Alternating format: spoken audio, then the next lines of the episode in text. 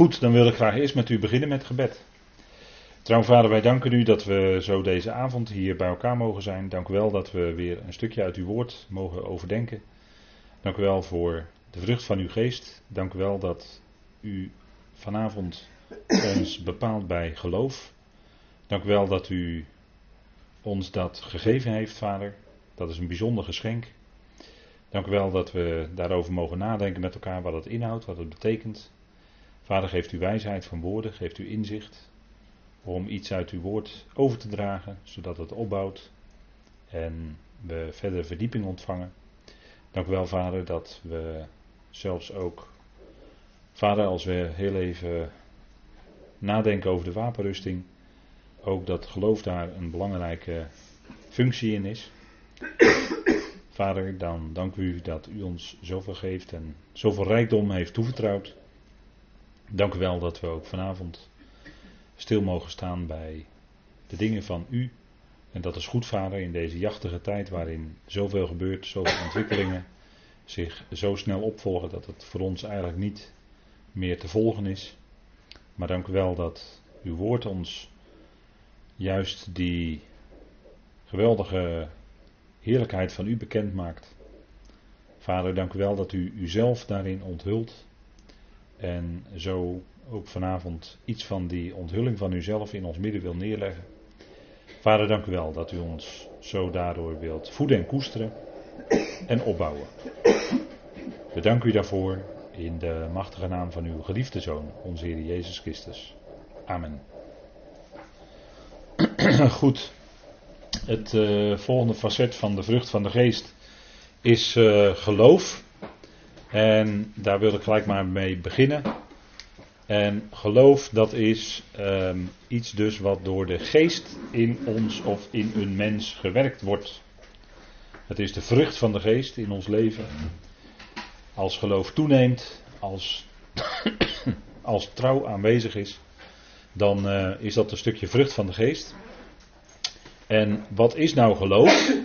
Geloof zou je kunnen zeggen, dat ziet u hier op deze dia staan. Geloof is vertrouwen dat God zal doen wat hij beloofde. Heel eenvoudig eigenlijk. Maar het gaat aan de andere kant oh zo diep. Want uh, wat God beloofd heeft in zijn woord is echt ontzettend veel. En wij mogen vol vertrouwen zijn dat God zal doen wat hij beloofd heeft. Hij heeft aan Abraham geweldige beloften gegeven. En die belofte die heeft hij ook voor een deel waargemaakt. Maar voor het overgrote deel zal hij die belofte nog waarmaken. Want u weet dat de Hebreeën schrijver zegt dat Abraham een betere belofte had. Dat hij een beter, dat is een hemels vaderland verwachten. En dat zal hij ook gaan ontvangen. Niet in de hemel, maar hier op aarde. Maar dat is hemels van karakter. Vandaar dat er staat hemels. En kijk, het geloof, daar leven wij in. Hè? Daar leven wij uit. Daar leven wij door, zou je kunnen zeggen. Het vertrouwen dat God zal doen wat hij beloofde. En een geweldige belofte die God aan ons gegeven, is, gegeven heeft, is dat wij de Here zullen ontmoeten in de lucht. Hij zal ons wegrukken bij de bazuin Gods. En op die dag zullen wij Hem dan ontmoeten in de lucht. Hij rukt ons weg, hè? hij grist ons weg van deze aarde. Dat gaat in grote snelheid op dat moment. En dan zullen we Hem ontmoeten in de lucht. En dat is denk ik een geweldige ontmoeting waar u naar uitkijkt, waar vooral de Heer naar uitkijkt. Want hij zal dan al die leden van het lichaam eindelijk daar ook lijfelijk ontmoeten. De doden in Christus zijn opgestaan. Zij zullen het eerst en wij zullen samen met hen tegelijk zullen wij de Heer echt boven in de lucht, want de Heer daalt af van de hemel dan. En dan zullen wij hem boven in de lucht ontmoeten. Dat is een geweldige belofte die God ons gegeven heeft. 1 Thessalonicense 4. Deze belofte gaat God waarmaken voordat hij weer verder gaat met zijn volk Israël. Voordat hij de draad met het uitverkoren volk weer opneemt, zal hij die belofte waarmaken. En dat uh, Uh, kijk, geloof is namelijk het vertrouwen in de beloften van God. Geloof is niet redeneren. Daarom zeg ik wel eens, zodra mensen, ook al zijn het gelovigen, gaan redeneren, dan moet je erg oppassen. Want dan wil men kennelijk iets beweren wat stoelt op een redenering. Maar is nou datgene wat beweerd wordt, is nou datgene ook wat in de schrift zelf terug te vinden is? Daar moet je altijd mee. We moeten alles toetsen aan de schrift. Hè? Dus wat beweerd wordt, kan dat dan ook in de schriften zelf teruggevonden worden? Zo nee, dan moet je al heel erg argwanend zijn. En het gaat erom dat wij gewoon die uitspraken van God kunnen geloven. Hè? Geloven wat daar staat geschreven. Al die beloften zal God doen. Hij verkondigt vanaf het begin wat het einde zal zijn. En het einde is goed. Dat heeft hij ook beloofd. Niet alleen voor zijn volk, maar ook voor ons. En dat einde, dat zal heerlijkheid zijn. Heerlijkheid bovenal voor God zelf, maar ook heerlijkheid dus voor heel de schepping. De nieuwe schepping heb ik er dan over. Want de oude is dan gelukkig weg. En die beloften, die zal God waarmaken. En daar heeft er helemaal niets mee te maken of wij dat nu zien. Want wij zien dat niet met onze oogjes. He, zoals de Hebreeën schrijver ook zegt. Wij zien nu nog niet dat hem alle dingen onderworpen zijn. Wie is die hem daar? Dat is Jezus. De Zoon van God. De laatste Adam. Degene die in Psalm 8, want daar gaat het daarover in Hebreeën 2. Die genoemd wordt de zoon des mensen, die voor een korte tijd beneden de boodschappers is gesteld. Dat staat er, hè. En dat wordt ook geciteerd door de Hebreeënschrijver. En dan past de Hebreeënschrijver dat toe op de Heer Jezus Christus.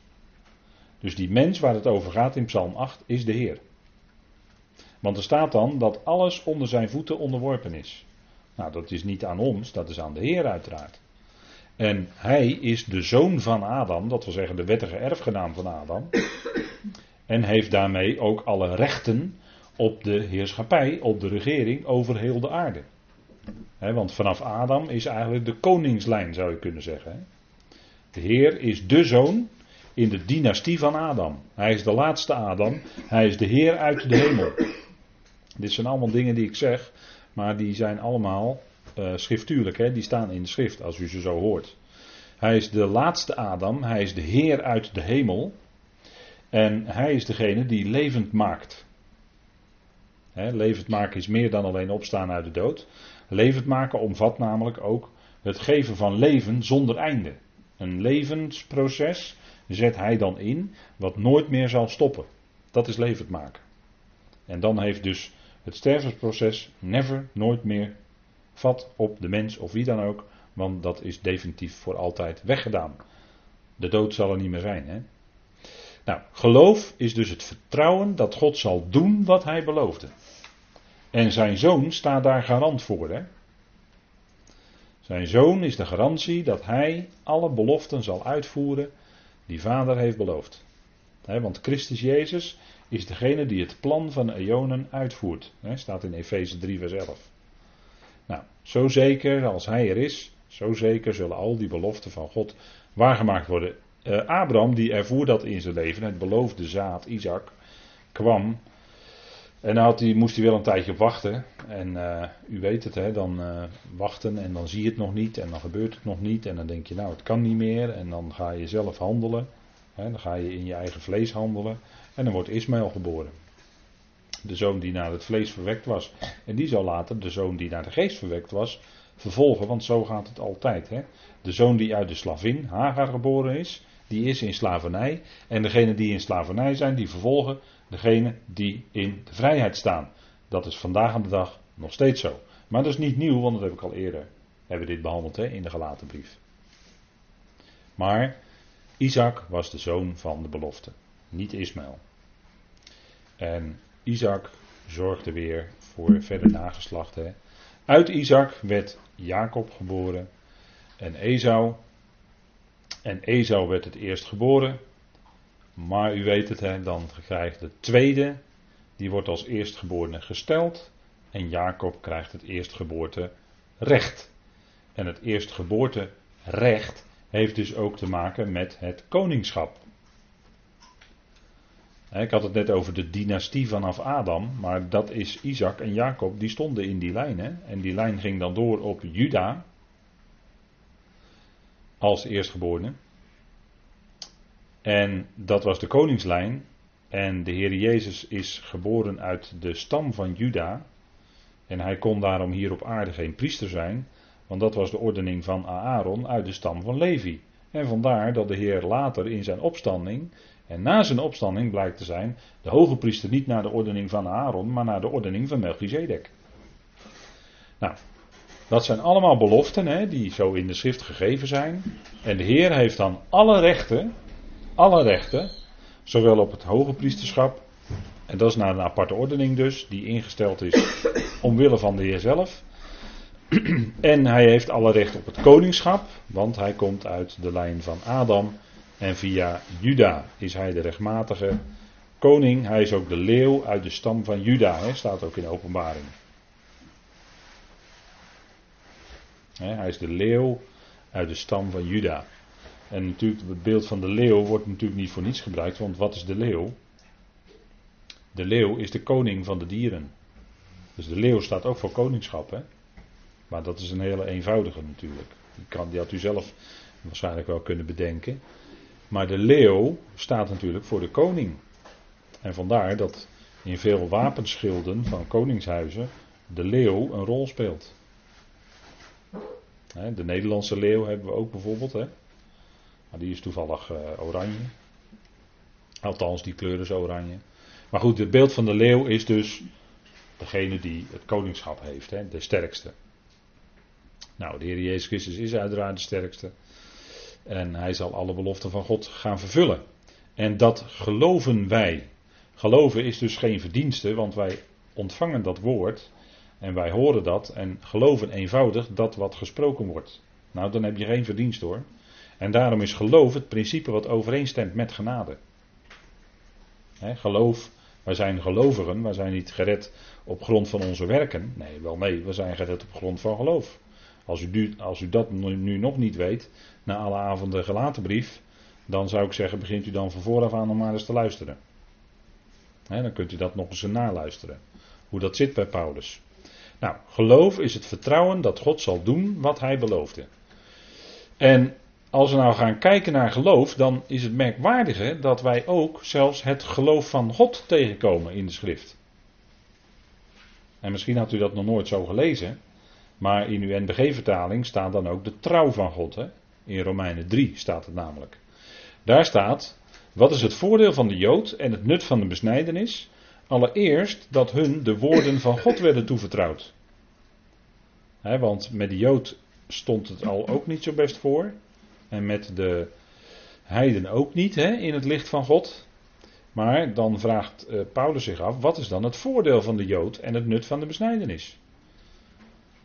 Nou, allereerst dat hun de woorden van God werden toevertrouwd. Zij hadden de openbaring van God gekregen, van JW. En zij zouden die openbaring doorgeven aan de andere volkeren. Zij waren bestemd tot lichtdragers voor de andere volkeren, hè, zegt Isaiah 49 onder andere. Want wat is het wanneer sommigen ongelovig zijn? Hè? Dat geldt dan specifiek voor het Joodse volk. Hè? Zij hadden de Torah, dus de wet, de psalmen en de profeten, maar zij probeerden die gerechtigheid te doen. Zij probeerden de gerechtigheid te doen door middel van de werken van de wet. En daarom, zegt Paulus later in Romeinen 9, zijn zij aan de gerechtigheid van God niet toegekomen. Waarom niet? Omdat zij het wilden doen uit de werken en niet uit geloof, staat er dan. Zij waren ongelovig, dat zag Paulus in zijn dagen. Hij kreeg de meeste vervolging door de orthodoxe Joden. Hè? Die probeerden hem keer op keer om te brengen. En dat was niet nieuw, want ze hebben de Heer Jezus ook omgebracht natuurlijk. Ja. Dus degene die komt met de waarheid van God, die is eh, bij de orthodoxe Joden niet altijd welkom. dat onderstreep ik daarmee. Dat illustreer ik daarmee hier, met die twee voorbeelden. En Paulus zegt dan, wanneer sommigen ongelovig zijn. Hè, wat is nou ongelovig zijn? Nou, dat is gewoon niet geloven wat je hoort. Als je Gods woord hoort en dat niet geloven. Maar je gaat redeneren. Dan ga je zeggen, ja, dat zeg je nou wel, maar. En dan gaan ze redeneren. En dat is eigenlijk ongeloof. Hè? Want dan wordt er een andere conclusie getrokken dan wat er staat. Nou, wanneer sommigen ongelovig zijn, zal hun ongeloof. En dan staat er eigenlijk het geloof van God buiten werking stellen. Oh, een vreemde uitspraak, hè? Het geloof van God. En dan zegt u ja, maar je kan hier toch ook vertalen de trouw van God? Klopt. Klopt. Maar je kunt hier ook gewoon vertalen het geloof van God. Want. Geloofwaardigheid dan? Nee, hier staat echt het geloof, niet de geloofwaardigheid. Ja, oké. Okay. dan hebben ze misschien glaubwürdigheid. Maar würdigheid staat dan dun gedrukt waarschijnlijk. Dan is het echt glauben hoor. Er staat echt pistis. Nou, dan hebben ze het, ja, dan hebben ze het glaubwürdigheid eh, ervan gemaakt. Maar er staat in het Grieks het woord pistin of pistis. En dat betekent gewoon geloof. Of trouw. En het geloof van God, wat is dat? Nou, God, kijk, God heeft ongelooflijk veel gesproken al voordat Romeinen geschreven werd. En, maar dat is dan weer mensvormig over God gesproken. God gelooft als het ware in die beloften, want die zal hij zelf namelijk vervullen. En hij is ook trouw aan datgene wat hij gesproken heeft. Want hij heeft het bij tijd en gelegenheid bijvoorbeeld aan Abraham gezworen met een eed zelfs. Dat al de geslachten zouden gezegend worden in het nageslacht van Abraham. Nou, dat zal ook gaan gebeuren. En dat, daarvan zou je kunnen zeggen, dat is het geloof van God. God heeft gesproken. En tegelijkertijd is dat ook een daad van God. Dat is de dabar, hè? dat is het Hebreeuwse woord dabar. En dat is niet alleen een woord, maar dat is ook een daad. En een woord is een uitdrukking van een gedachte. En die gedachte van God heeft hij neergelegd in zijn woord, hè, want hij is een sprekende God, daarom is hij ook God. En hij is de God die spreekt, maar ook vervolgens waarmaakt wat hij gesproken heeft. Daarom is hij echt God en onderscheidt zich daarmee van alle andere goden. En dat zijn dus afgoden. Maar hun ongeloof zal het geloof van God, en ik kan het ook vertalen met de trouw, hun ontrouw zal de trouw van God niet buiten werking stellen. Hoewel zij ongelovig en ontrouw zijn, het Joodse volk, zal God toch trouw blijken te zijn, want hij zal al zijn beloften gedaan aan het volk ook vervullen. En dat is voor ons het bemoedigende. Als God trouw is aan zo'n volk, aan beloften die hij aan zo'n volk gegeven heeft, wat lang, lang en breed weerspannig was. Maar nochtans blijft hij trouw, want het is zijn uitverkoren volk, het is zijn oogappel, hij heeft het lief. En het is zijn liefde die er aan de grondslag ligt, dat hij ook dan ook alle beloften aan het volk zal vervullen. En dan zegt u misschien wel twijfelmoedig, want u twijfelt misschien wel aan uzelf. U zegt van nou, ik ben, als ik heel eerlijk ben, ben ik zelf niet zo'n beste. Maar u bent wel een gelovige en daarom zal God alle beloften die hij gegeven heeft waarmaken. En dat heeft niet te maken met of u het nou zo goed of zo of goed of niet, of minder goed doet, of wat meer, wat meer goed doet. Of, dat maakt allemaal niet zoveel uit. Hij zal alle beloften gewoon waarmaken. Want het zijn liefde, daar gaat het om. Het is zijn liefde en zijn genade die naar ons uitgaan. En op basis daarvan zal hij al die beloften waarmaken. Dus misschien even merkwaardig als we daarmee beginnen vanavond. Het geloof van God. Nou, dat heb ik dan een klein beetje geprobeerd toe te lichten. Uh, God, die is zo enorm uh, trouw aan zijn woord. En daarvoor kun je ook zeggen, hij gelooft in zijn eigen woord. Om het maar even mensvormig te zeggen. Dat dat woord ook daadwerkelijk werkelijkheid zal worden. En hij overziet natuurlijk al vanaf het begin tot aan het einde overziet hij dat hele plan. Nou, dan iets wat voor ons ook bekend is, maar wat, dat is voor ons bekend en het is in enkele andere kringen ook wel bekend, maar in veel kringen is het niet bekend, dat is dit, het geloof van Jezus Christus. en dat is het evangelie wat in Romeinen 3 dan klinkt. Dat is namelijk dat buiten de wet om, daar heb ik de vorige keer volgens mij de nadruk op gelegd, hè, dat het zonder de wet was. Daar heb ik nog even de dia's even teruggehaald en nog eens een keer op gewezen. Hè. Buiten de wet om is gerechtigheid van God onthuld. Gerechtigheid van God door het geloof van Jezus Christus. Dat is wat er staat. En de Statenvertaling heeft dat ook keurig netjes.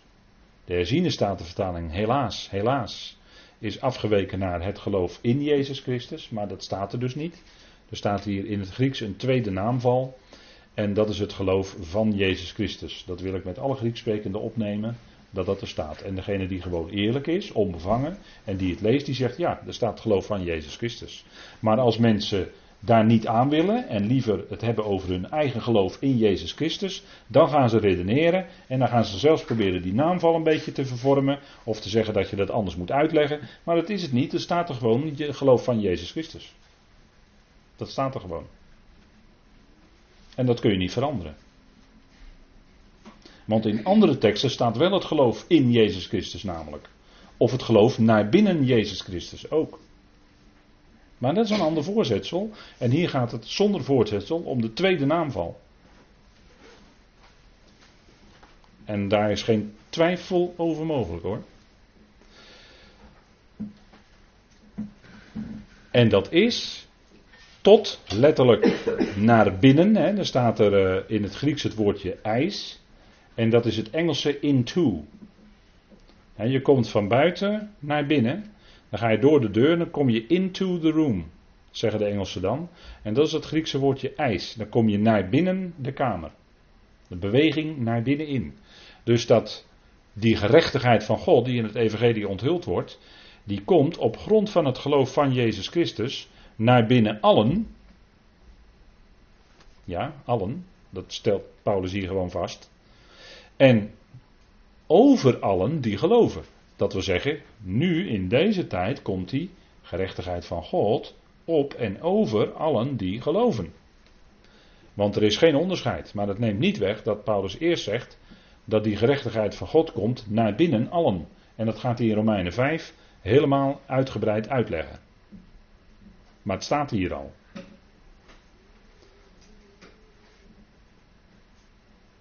en als, uh, als men dus beweert dat het nu alleen om gelovigen gaat, dan neem ik ze graag mee naar deze tekst en dan laat ik het zien. En dan is het natuurlijk een kwestie van wel of geen geloof. Ja, als je niet gelooft, ja, goed dan niet. Maar het staat er wel. Nou, dus naar binnen allen en over allen die geloven. En dat is ook wat het evangelie is. Dat is namelijk dat de gerechtigheid Gods geopenbaard wordt. De gerechtigheid van God wordt daarin geopenbaard. En dan staat er in Romeinen 1 vers 16 en 17. Uit geloof tot geloof. Dat is uit het geloof van Jezus Christus tot ons geloof. He, uit geloof tot geloof. Romeinen 1 vers 16. En dan staat erbij nog een ander woord, eh, vers 17, daar komen we zo op, wat daar staat. Maar het is nu op allen die geloven. En dan is geloven dan een prestatie van ons? Nee, zeg ik dan. Nee. Want geloof heeft geen verdiensten, per definitie niet. Geloof is het principe wat overeenstemt met genade. Er zit geen enkele verdienste in als jij naar iemand luistert en je zegt, nou dat geloof ik. Dan heb je geen enkele verdienste, want je hebt geen enkele prestatie verricht. Je hebt slechts geluisterd en geloofd. Nou, dat is dus genade. dat we dus gelovigen zijn, is genade. Maar dat hoef ik u ook na zoveel hoofdstukken gelaten al niet meer te vertellen, denk ik. Hoop ik, hoop ik. Want er is geen onderscheid. iedereen is gelijk. Er is geen onderscheid tussen Jood en Griek. Dat principe geldt voor iedereen hetzelfde. Dit is dus het geloof van Jezus Christus. In veel kringen helaas onbekend.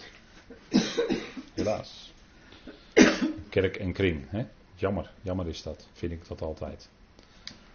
Want hij was echt een gelover hoor, Jezus Christus, absoluut. En dat kunnen we staven hoor. Kijk, het staat in Romeinen 3, vers 22 en 26. In Romeinen 26 wordt genoemd het geloof van Jezus. Het geloof van Jezus. Staat ook tweede naamval in het Grieks. Galaten 2, vers 16 staat er twee keer. Het geloof van.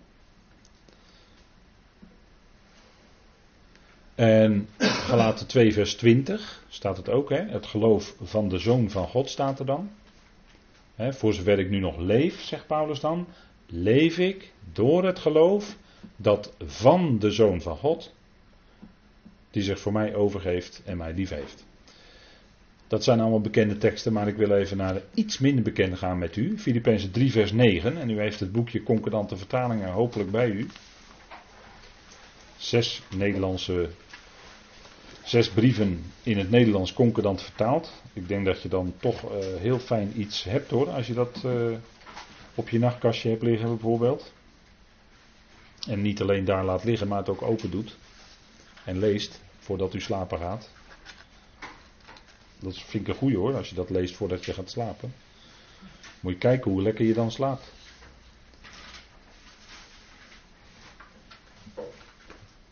En er staat in Filippenzen 3, vers 9.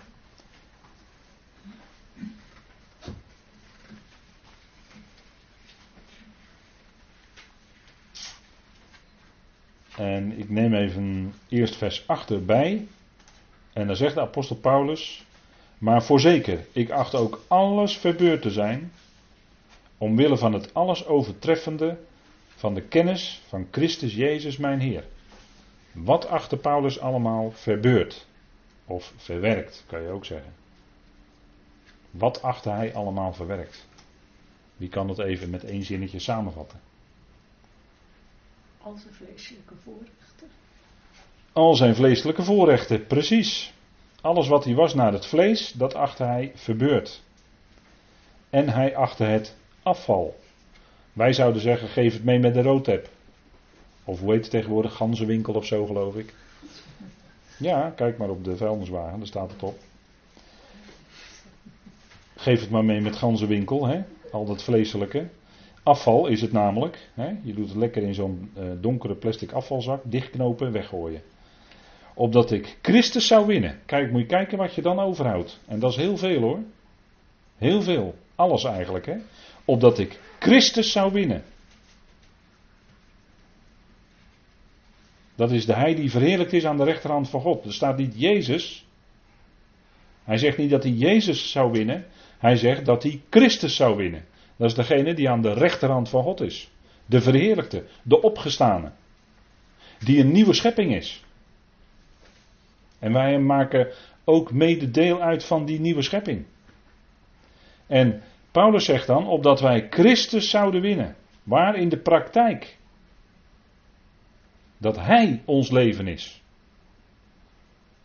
En voor veel mensen tegenwoordig is een of andere sport hun leven. Of is hun werk hun leven. Maar bij Paulus was Christus zijn leven.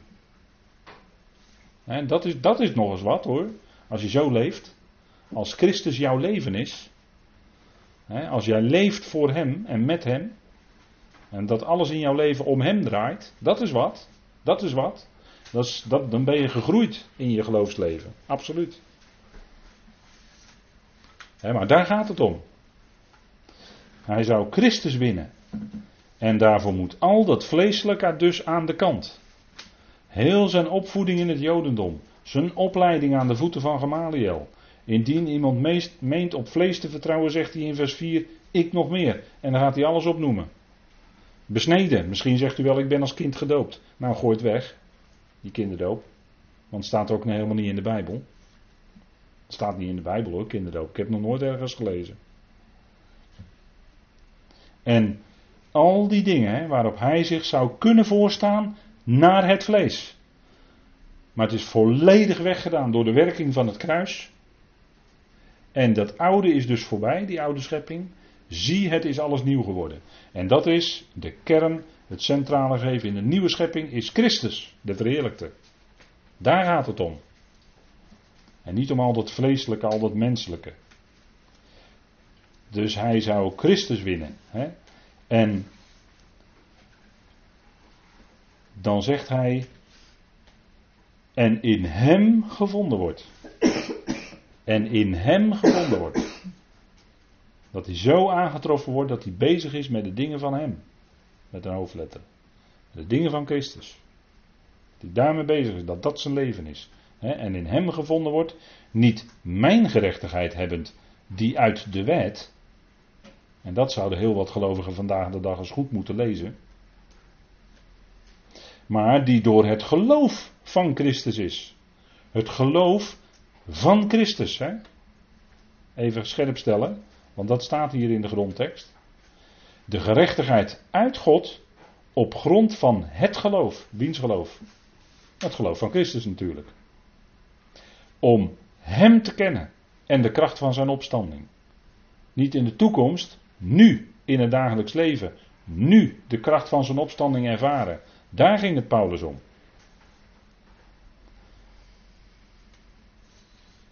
En in hem gevonden wordt niet mijn gerechtigheid hebbend. Nee, de gerechtigheid uit God op grond van het geloof. Om hem te kennen en de kracht van zijn opstanding. En de gemeenschap van zijn lijden. Dus wij lijden ook met hem. Als wij kwaad lijden met het evangelie, is dat lijden met hem. Want het evangelie wat Paulus verkondigde is niet naar de mens. En daarom is het ook niet populair. En daarom willen bij gelegenheid sommige mensen er ook vanaf. Als ze het leren kennen. Willen ze vervolgens er weer vanaf. Waarom? Omdat het niet naar de mens is. Evangelie van Paulus is niet naar de mens. En het brengt uiteindelijk, hè, het bracht Paulus en brengt ons tot de gemeenschap van zijn lijden, van het lijden van Christus. Gelijkvormig wordend aan zijn dood. Dat wil niet zeggen dat wij gekruisigd worden op Golgotha. Wel nee. Maar dat wil zeggen dat wij iets ondergaan wat gelijkvormig is aan zijn dood. Dat wil zeggen dat er van onszelf, uit onszelf, ons eigen mens zijn, daar blijft gewoon helemaal niks van over. Het lijden, we maken het lijden door. En dan zegt Paulus, of ik, hoe ook maar, zou komen tot de uitopstanding uit de doden. Is dat een of andere speciale opstanding voor een kleine groep, een elitegroep? Wel nee, daar heeft Paulus het helemaal niet over. Hij heeft het hier over de praktijk van zijn leven. De uitopstanding uit de doden, dat wil zeggen, nu al de kracht van zijn opstanding ervaren in het dagelijks leven. Dat is de uitopstanding uit de doden. Want dat is hier het tekstverband, hè? Dat is hier, het gaat hier om de praktijk van ons dagelijks leven. Daar gaat het bij Paulus helemaal om hier. En, en dat is waar het om draait. Hè? Nou, dat is allemaal die op basis van die gerechtigheid die wij hebben ontvangen, Gods gerechtigheid, niet uit de wet, maar op grond van het geloof van Christus. Op grond van zijn geloof dus. Hè? Nou, dat is denk ik geweldig, hè, zo'n tekst. Als je daar even bij stilstaat, een keer goed over nadenkt. dan zijn dat hele krachtige woorden van de apostel Paulus. En dan zien we ook Hebreeën 12, hè, waar het ook gaat. Dan keren we even terug naar de teksten die we hebben over het geloof van Jezus Christus. Hè, dan gaat het in Hebreeën 12 over het feit dat hij de leidsman en het voleinder is van het geloof. Hè. Terwijl wij het oog gericht houden op Jezus, de leidsman en voleinder van het geloof. Hè, de gelovige bij uitstek is de Heer Jezus Christus. Hij heeft om de vreugde die hem in vooruitzicht was gesteld, het kruis verduurd en de schande veracht. En hij zit nu aan de rechter, of de rechterhand, van de troon van God. Dus hij heeft om de vreugde die hem voorgesteld was, heeft hij het kruis verduurd. Hij heeft hij zelfs die vreselijke smadelijke dood van het kruis ondergaan. En dat kon hij omdat hij geloofde dat Vader hem ook weer zou opwekken uit de dood. En daarom kunnen wij in ons leven ook het kruis verduren. Wat betekent dat? Dat betekent dat wij leven in dat diepe besef dat wij samen met hem mee gekruisigd zijn. En dat we ook samen met hem, hebben we net gelezen Filippenzen, samen met hem ook mee lijden. dat is de uitwerking van het kruis in ons leven. En gelovigen, veel gelovigen, Paulus zegt in, uh, daar moest ik de laatste dagen sterk aan denken. Dat Paulus zegt in Filippenzen 3 ook dat hij wenend zegt, hè, huilend, dat velen wandelen als vijanden van het kruis van Christus. En daarmee bedoelt hij dus gelovigen. ze zijn wel, weliswaar wel vrienden van Christus, Zij accepteren wel Christus in hun leven, maar ze blijken in de praktijk vijanden te zijn van het kruis van Christus. In die uitdrukking ligt de nadruk op het woord kruis. En dat wil zeggen, de, zij willen niet de schande, zij willen niet het lijden, zij willen niet af, afstand nemen van hun vleeselijke voorrechten of van uh, waar zij zich, zich, op kunnen beroemen, hun betere positie of weet ik wat je allemaal in kan vullen naar het vlees. Maar daar willen zij geen afstand van doen. Dus zij willen in zekere zin in hun geloofsleven, zijn wel echte gelovigen, daar gaat het niet om. Zijn echte gelovigen. Maar zij willen in zekere zin in hun geloofsleven niet de Heer Jezus Christus alleen, hè, zoals Paulus zei. Christus is mijn leven. Nee, zij willen Hem erbij. Ze zijn gelovigen, ze zijn een mens en ze vinden dat ze als mens een zekere waardigheid hebben. En ze hebben dan in hun persoonlijke leven als gelovigen, hebben zij Christus erbij. Dus het draait dan niet alleen om Hem in hun leven. Hè, daarvoor gaat niet alles opzij. Nee, zij willen graag ook er nog allerlei dingen graag bijhouden. En andersom kan ik dus ook zeggen, zij leven hun leven met Jezus erbij. Zo zijn er heel wat gelovigen van de dag. Vergist u zich niet. En zij willen dus niet het kruis accepteren in hun leven. Ik moet zeggen, dus de uitwerking van het kruis in de praktijk van hun leven willen zij niet accepteren. En daarom zijn zij in de praktijk vijanden van het kruis van Christus. En niet zelden staan zij dan ook vijandig tegenover het evangelie. Niet zelden staan zij dan ook vijandig tegenover het evangelie wat Paulus predikte. Want als er weerstand en oppositie is tegen het evangelie wat Paulus brengt, dan komt dat bij inderdaad geestelijke machten vandaan, die daarvoor andere ook gelovigen gebruiken.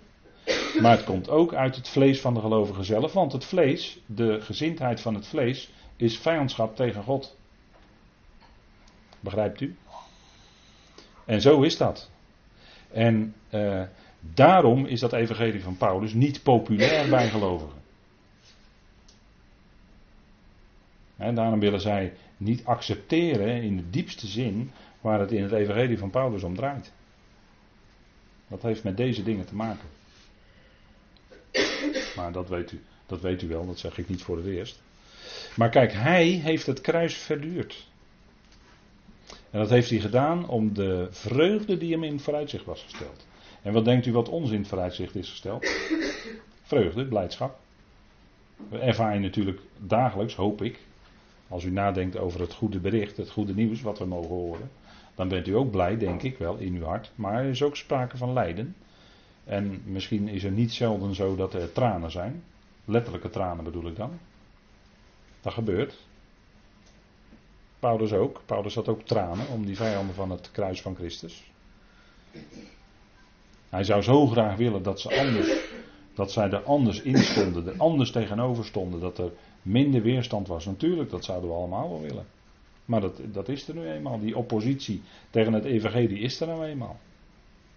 En dat is geen populaire boodschap. Terwijl het wel de meest geweldige boodschap is die je maar nou, die kan je niet bedenken natuurlijk, maar dat is wel de meest geweldige boodschap die in de schrift naar voren komt. Goed, het geloof van Jezus Christus. Dat is ook zo'n punt, hè, als we even nadenken over geloof. Vaak in kerk en kring onderbelicht, hè. het wordt niet genoemd eigenlijk, geloof van Jezus Christus. Hoort u niet in kerken en kringen. Hè, maar het staat er wel allemaal. En dan die bekende uitspraak uit Habakkuk de rechtvaardige zal uit geloof leven. Nou, en de rechtvaardige is natuurlijk allereerst, wie is dat? Christus. Ja, dat als ik zo'n vraag stel en u zegt Christus is meestal goed. Ja, vrijwel altijd is het goed. Kan u ook een andere vraag stellen? Over wie gaan de psalmen? De gezalfde, precies. Nou goed. Ook weer goed. Maar in Habakkuk 2 staat die uitspraak, hè? De rechtvaardige zal uit geloof leven. En Habakkuk leefde onder de wet. Even, even nadenken. Hè? Ja. Habakkuk leefde onder de wet en toch zegt hij. De rechtvaardige zal uit geloof leven. Dus dat principe van geloof bleef onder de wet gewoon bestaan hoor. Bleef gewoon bestaan. Alleen de wet is erbij gekomen, tijdelijk. En dan alleen bedoeld voor het volk Israël. Oh, ik wou dat gelovigen dat eens beseften. Dat het zo zit. Maar ja, het staat er gewoon allemaal. En dat wordt drie keer aangehaald, dus een hele belangrijke tekst is dit. Hè? Wordt drie keer aangehaald, in Romeinen gelaten en in Hebreeën. En dat geldt natuurlijk ook voor ons. Hè? De rechtvaardige zal niet leven uit de werken van de wet. Nee, zal leven uit geloof, want dat staat hier. Ook met die vraag van Abraham geloofde God. Ja. Het werd hem tot rechtvaardigheid. Zeker, zeker. Ja, dat klopt helemaal. Dat klopt. Maar dat is geen tekst van Paulus. Maar dat was Abraham geloofde God. Ja. Moet je dat dan. Uh... Abraham geloofde God en dat werd hem tot gerechtigheid gerekend, ja, zeker. Maar dan ben je nog niet aan de gerechtigheid van God die ons toegerekend wordt in het evangelie. Daar ben je nog niet aan. Maar een stukje gerechtigheid in Abrahams leven was dat hij geloofde. Dat werd hem toegerekend als gerechtigheid. En dat haalt Paulus ook aan natuurlijk hè, in eh, Romeinen 4. Dus de rechtvaardige, en dat is natuurlijk al het principe wat dus gold voordat de wet kwam, want de wet kwam pas 430 jaar later. Staat er ook allemaal, hè. De wet kwam 430 jaar later, maar het principe van geloof was er al lang, want Noach was ook een gelovige. Noach was ook een rechtvaardig man, hij was een gelovige. En toch had hij genade nodig, want dat staat er ook hè, in, in, eh, Genesis 6. En de Heer schonk hem genade. Dus dat, dat is een punt. Hè? Ik denk dat je daar altijd goed over na moet denken. Kijk, de rechtvaardige zal uit geloof leven. En dat is dus het principe wat geldt ook vandaag aan de dag. Maar dat geldt, gold ook onder de wet. En het gold ook voor de wet. En eigenlijk zou je kunnen zeggen, uh, is dat eigenlijk het principe waar het om draait. Hè? Want het geloof in de beloften van God, dat is datgene wat ons gerechtigheid hè, brengt. En waar, wat God gebruikt als kanaal om die gerechtigheid ook toe te delen. Dus dat is een belangrijk woord. Hè? De rechtvaardige zal uit geloof leven. Zo leven wij, zo leven u en ik. Wij leven dagelijks uit Gods hand op grond van zijn belofte. Wij wandelen in geloof, zegt Paulus, 2 Korinthe 5. Niet in wat wij zien, niet in wat wij aanschouwen, maar wij wandelen in geloof. Net zoals al die geloofshelden, zo worden ze dan genoemd, hè, uit Hebreeën 11, want dat volgt direct op Hebreeën 10, vers 38. En dan gaat het over al die gelovigen die daar genoemd worden. En hoe zij leefden uit geloof. Zij leefden op grond van de belofte van God. Kijk maar naar Noach. Die werd natuurlijk stapelgek verklaard. Die ging een ark. Had nog nooit geregend. Gaat hij een ark bouwen? Hey. En het duurde 120 jaar. De Heer had, al een, de Heer had eh, echt een, een weerbericht waar je van op aankon. Want de Heer zei: over 120 jaar gaat het regenen. En dat klopt ook precies. En in de tussentijd had Noach de ark gebouwd. En, en hij, hij werd gered met zijn gezin. Acht, mensen werden gered in het water. En zo is het ook met ons. Kijk, wij geloven ook in de belofte. En van, van, ik, daar begon ik mee vanavond. Van de bazuin van God, daar geloven wij in. En, en naarmate dat langer duurt, dat heb je altijd onder gelovigen, gaan ze dan twijfelen. Ja, zou die opname dan wel komen? Zou dat, en vervolgens zou dat dan wel kloppen? Wat er staat over die opname? En is dat dan wel voor de toren? Natuurlijk, dat geloof ik al 30, 35 jaar. Of nog langer. Maar dacht u dat de Heer heeft die opname van de gemeente beloofd? Dacht u dat het dan niet ging gebeuren of zo? Omdat het, omdat het dan in uw leven langer duurt dan u dacht. Dacht u dat? Nou, bij Noach duurde het ook 120 jaar, maar het ging wel regenen hoor. En de hele zaak liep wel onder water. En, en al die gerichten die in openbaring staan. Jongens, wat hebben ze pogingen gedaan om dat weg te redeneren. Het hele boek openbaring. Maar het gaat allemaal nog gebeuren, is nog toekomst. En kan je aantonen ook dat het nog toekomst is. En wat denkt u dat het, dat is ernstig hoor, want het gaat gebeuren allemaal nog. Dat gaat allemaal gewoon gebeuren. maar dat mag je niet zeggen. Ik ga nu niet weer beginnen over de verwoesting van Jeruzalem, want dat weet u wel inmiddels. Maar dat gaat wel gebeuren hoor. Want God die accepteert dat niet als zijn volk daar in ongeloof in het land is. Accepteert God uiteindelijk niet hoor. Dan zegt hij eruit. Het is mijn land, het is mijn huis. En daarin heb jij je als volk te gedragen zoals ik dat wil. Doe je het niet, ongeloof, eruit, wordt het verwoest. Zo ging het in het verleden en zo zal het ook nu gaan. Die, die principes bij God zijn onveranderlijk. maar het gaat om geloof, want het volk is in ongeloof. Dat was de hoofdzonde van het volk Israël in de woestijn. Dat was ongeloof. Ze zijn omgekomen in de woestijn door ongeloof. En als je als gelovige, nou schiet ik bijna uit mijn slof, maar als je als gelovige uh, in de praktijk van je leven onder de wet gaat leven, dan is dat eigenlijk een uiting van ongeloof. Sorry dat ik het zo zeg, maar het moest er even uit. Want wij leven in, door, uit en van genade. En niet van de werken van de wet. Want dat is de gelaten brief. En Paulus is nog veel feller dan dat ik nu ben. Maar kijk, het gaat erom, de rechtvaardige zal uit geloof leven. Waarom is dat nou zo geweldig? Omdat dat je brengt in de rust. De rust van je eigen werken. En dan is het niet zo dat, dat je, dat je, eh, dan krijg je natuurlijk de tegenwerping. Ja, maar de Bijbel zegt toch dat wij in actie moeten komen. Waar zegt de Bijbel dat dan? Waar zegt de Bijbel dat? Dat wij in actie moeten komen. Wij leven door genade. Wij wandelen in de goede werken. En nu heb ik het over werken. Die God tevoren gereed gemaakt heeft. Opdat we daarin zouden wandelen. Precies. Maar wij hoeven niet te werken om beter te worden of heiliger te worden of wat dan ook. Want daar gaat het dan om. En daar is Paulus zo fel op tegen.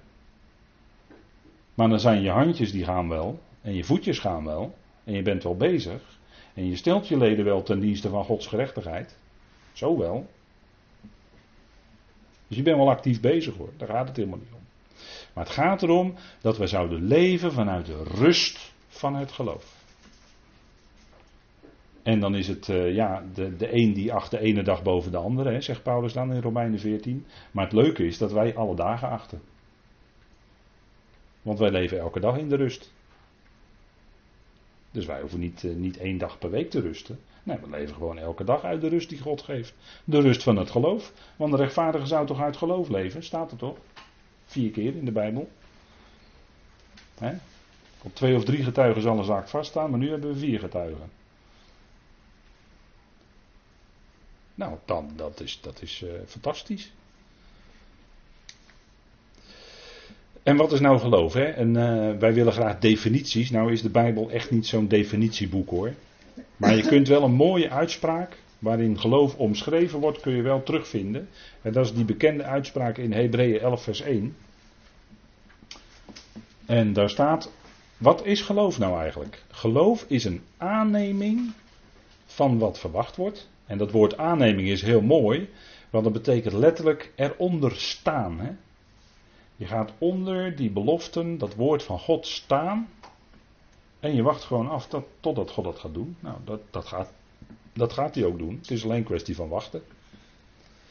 En een overtuiging van zaken.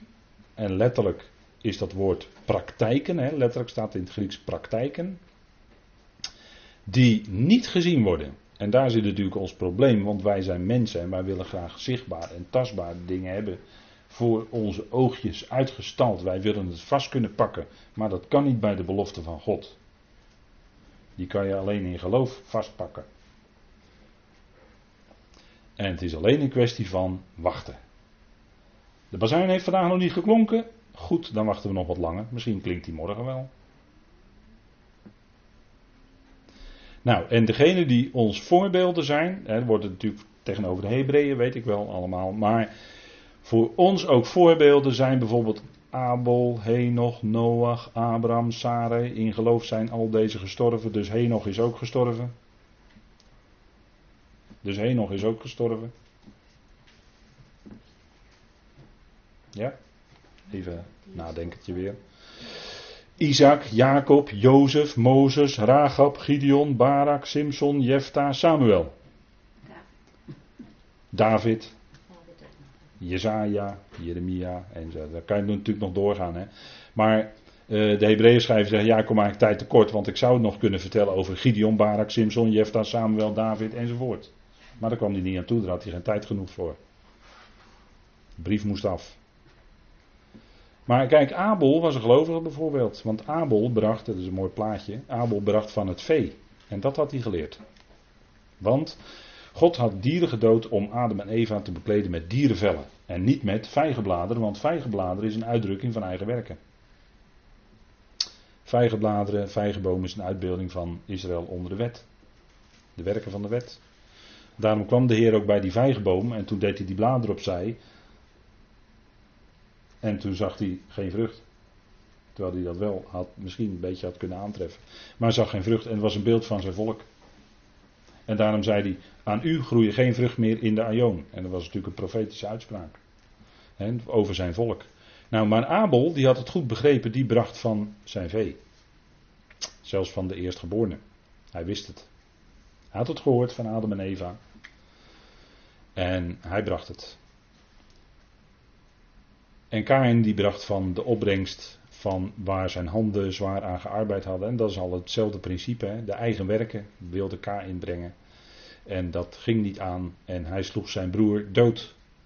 En Abel was daarin een type van de Heer Jezus Christus. En Kain was daarin een type van het Joodse volk. Wat ook een broedermoord pleegde toen zij hun Heer kruisigden. En Abel, dat betekent eigenlijk leeg, hè? weet u wel hè. Hebel, het, het Hebreeuwse woord Hebel, betekent ijdel of uh, leeg. En dat is een woord wat heel vaak wordt gebruikt in prediker. En daarom dit toont, toen Abel vermoord werd, toonde het de leegte of de ijdelheid van de menselijke werken, want hij werd gedood door de handen van Kain. En vandaar dat hij Abel heette, hè? dat wil zeggen, de menselijke werken of de inspanningen van de mens, die doen er niet toe. Want de mens leert dat hij zichzelf kan helpen, of men leert zelfs heel vroom dat God degene helpt die zichzelf kunnen helpen.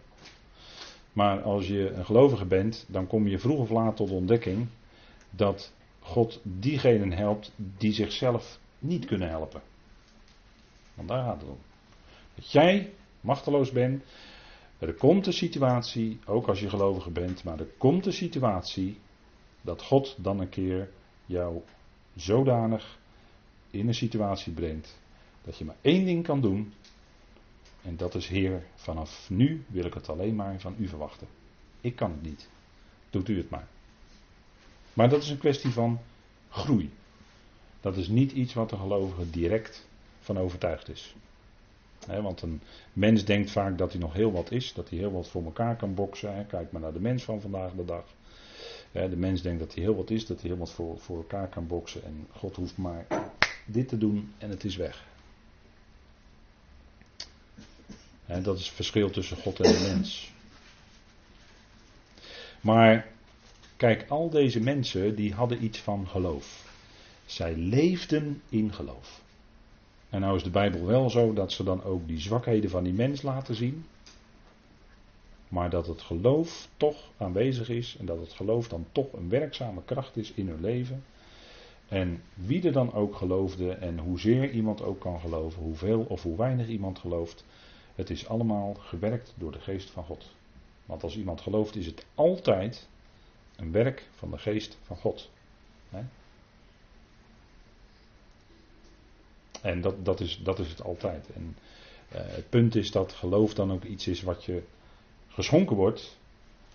En aan de andere kant denk ik dan altijd van ja, je kunt je geloof ook voeden en opbouwen door bezig te zijn met dat woord van God.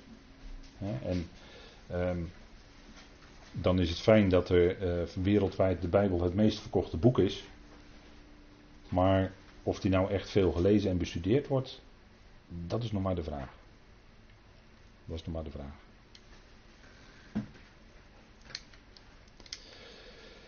Goed, ik stel voor dat we heel even pauzeren en dan gaan we dadelijk verder.